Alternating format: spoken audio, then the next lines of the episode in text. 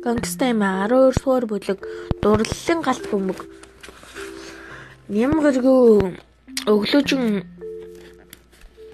Бэнэс бүжигчин бүжиг бүжгийн хувцсны хэмжээ ав. Ээж нь байж болох за өөрөөдөө гаргах гэж өхөө шүнжин цурам хийлгүй онжээ.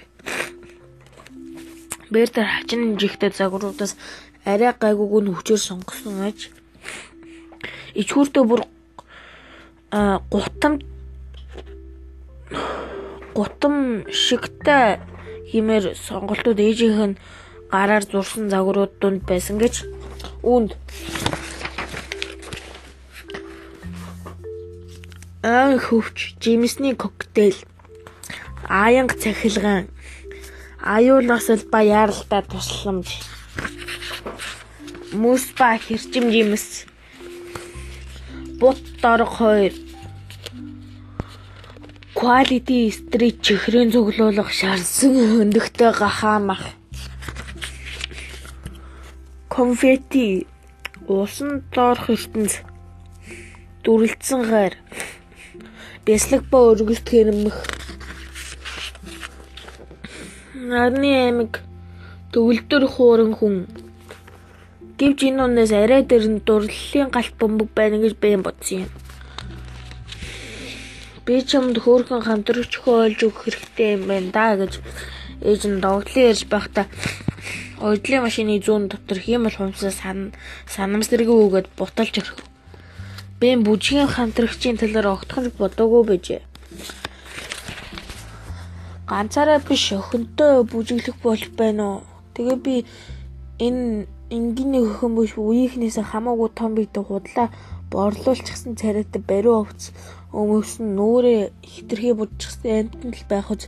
Бэн охтыг бэлхээний төр саятал үзий яддаг насан насан дээрээ байгаагчлхүү өө би өөрөө л дээ гэж бэн түгдчихв ганцаарлсан үзүүлбэр үнэхээр өвөрмөц хэмээж дуултлаа. Энд ингэж Тэр зогсох зав алгаа.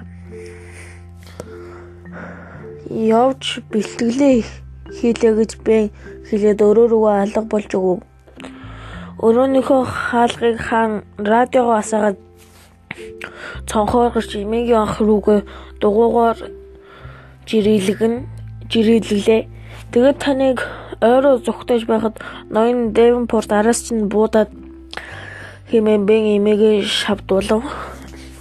Гэвч тэрхэн мөчүүд эмээ юуд санахгүй байлаа тэгсэн билүү хэмээн гэж эмээ бодлоо. Өчигдөр энэ хэсгийг ярьж байсан шүү дээ. Надад ийм бортын унтлахын өрөөндөөс бүгжиг нь уулгалаад зүгтэж байтал буун дуугарсан гэсэн. Аа тийм тийм гэж эмээ саял санав. Саял санав бололтой царин гийгээд би нүүр дүрийн нэмсэглэлээ. Жаахан бахта эмээгөө өвлгөр яруулж тэр бүр дээд шидийн ертөнцөд очсон биш. Очсон мэт сайхан санагддаг байснаа төрсөв. Өөрийн төсөөллөөр толгойдоо буулгана гэдэг ямар ч кино телевизийн нэвтрүүлэг видео тоглоомноос илүү сонирхолтой шүү дээ. Гэтэл өмнөх 7 хоногт би хоногт би эмээгийнхээ ярахыг сонсохгүй тул унтсан царай гаргаж байсансан түүх хүлгэр сонсох хичнээн догтлон мэдээ тэр бүр мартаж өрхчээ. Би гүүгээд байла гүүгээд байла хэмээн эмээ өөрөө гүйж байгаа мэт амьс амьсгаадан хэлээд баруун буундун тас хийлээ. Бас дахин тас хий.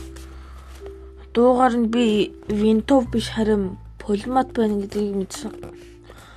Ямар ялгаатай юм бэ гэж би асуулаа. Винто зөвхөн нэг сумаар буддаг бөгөөд онилсан байгаа л ондог. Харин полимат нь олон жижиг тугалган үрлээр том талбайд цацарч буддаг.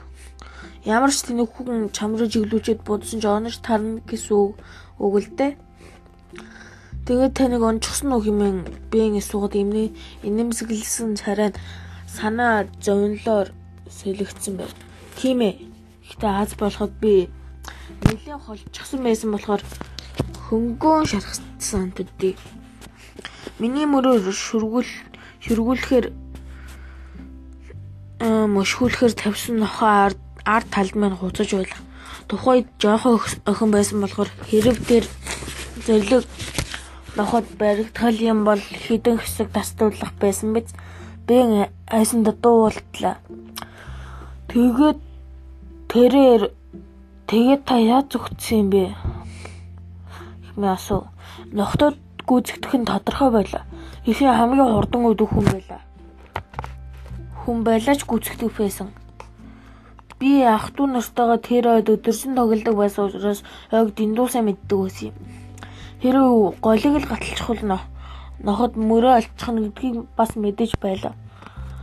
Яагаад тэр нохоо усан дээгүүр үнэрлэж чаддгүй бөгөөд голын яг цаахан тал амрах том царсмад би хэрвээ цас руу авирчвал ам гарах боломжтой гэж бодсон эрг. Бэн нэмийг шатаар гарч байхыг хараагүй тул ганцаар мотор авирсан огтхонч төсөөлөгдсөнгүй. Түүнийг мэдээ урсан цагаа цагаас л эмэн энэ байшингаа байшингаасаа гардггүй юмдаг.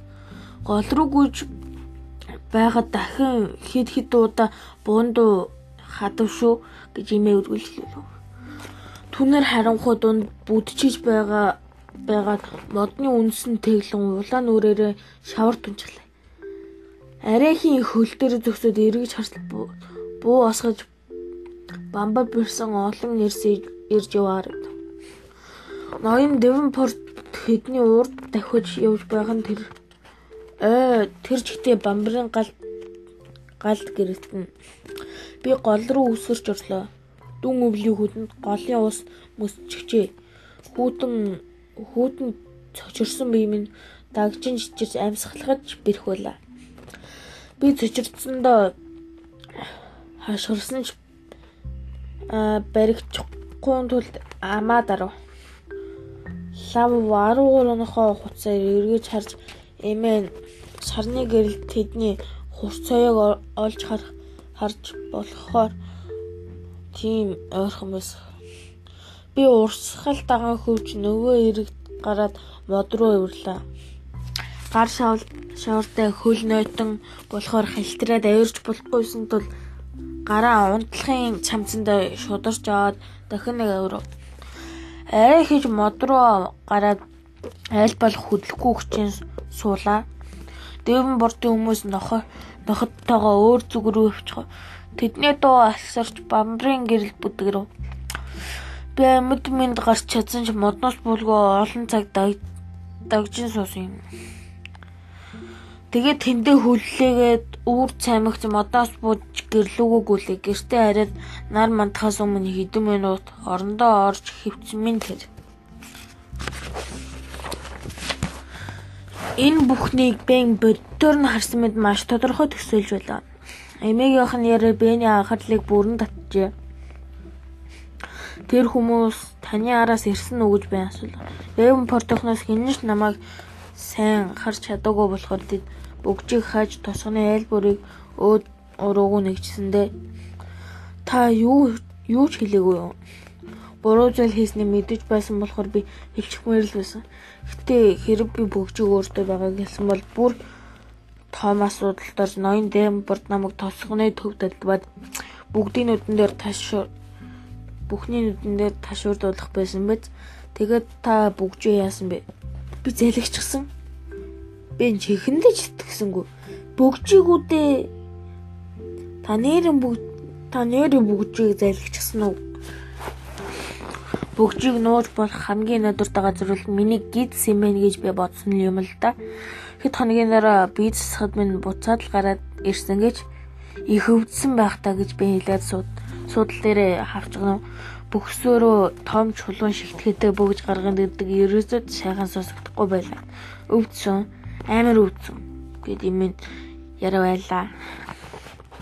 Гэтэ тэр дэвэн бортын хүмүүс хөл толгоогүй л үгүй манай тосгоны юу ч үлдээл үлдээгүй нэгдсэн. Тэгээд гэд гэж эмээ хэлэхэд би инээд алдав. Тэгээд дараагийн тосхон тосгонд нэгчлэг хийхээр хөдөлгөөсөн байсан. Нэг шүн би бөгчөө нуухаар ойр өвж голын чулуундор Хэний ч болохооргүй газар хийж орхилоо. Тун ухаалаг өн шүү хэмээн бэл. Гэвч би энэ бөгж дөнгөж ихнийх нь л болсон. хулгай их нь миний хулгай их нь миний амьдралын нэг том баяр болж хувирдаг юм байна. Нэгэн том баяр хөөр болж хувирдаг юм байна. Үдэш бүр ундахаар хөвтөхдөө өөр олон зуун очроод нь хулаал хулгаалах мөрөөдөл дуун батаг боллоо. Тэр бөгж бол гэдэг юм. Бэни гин томоог нүдрүү эцлийн ширтээд гимт хэргийн ертөнцийн зүхээ эхлэн л байсан юм да гэж нэлээ.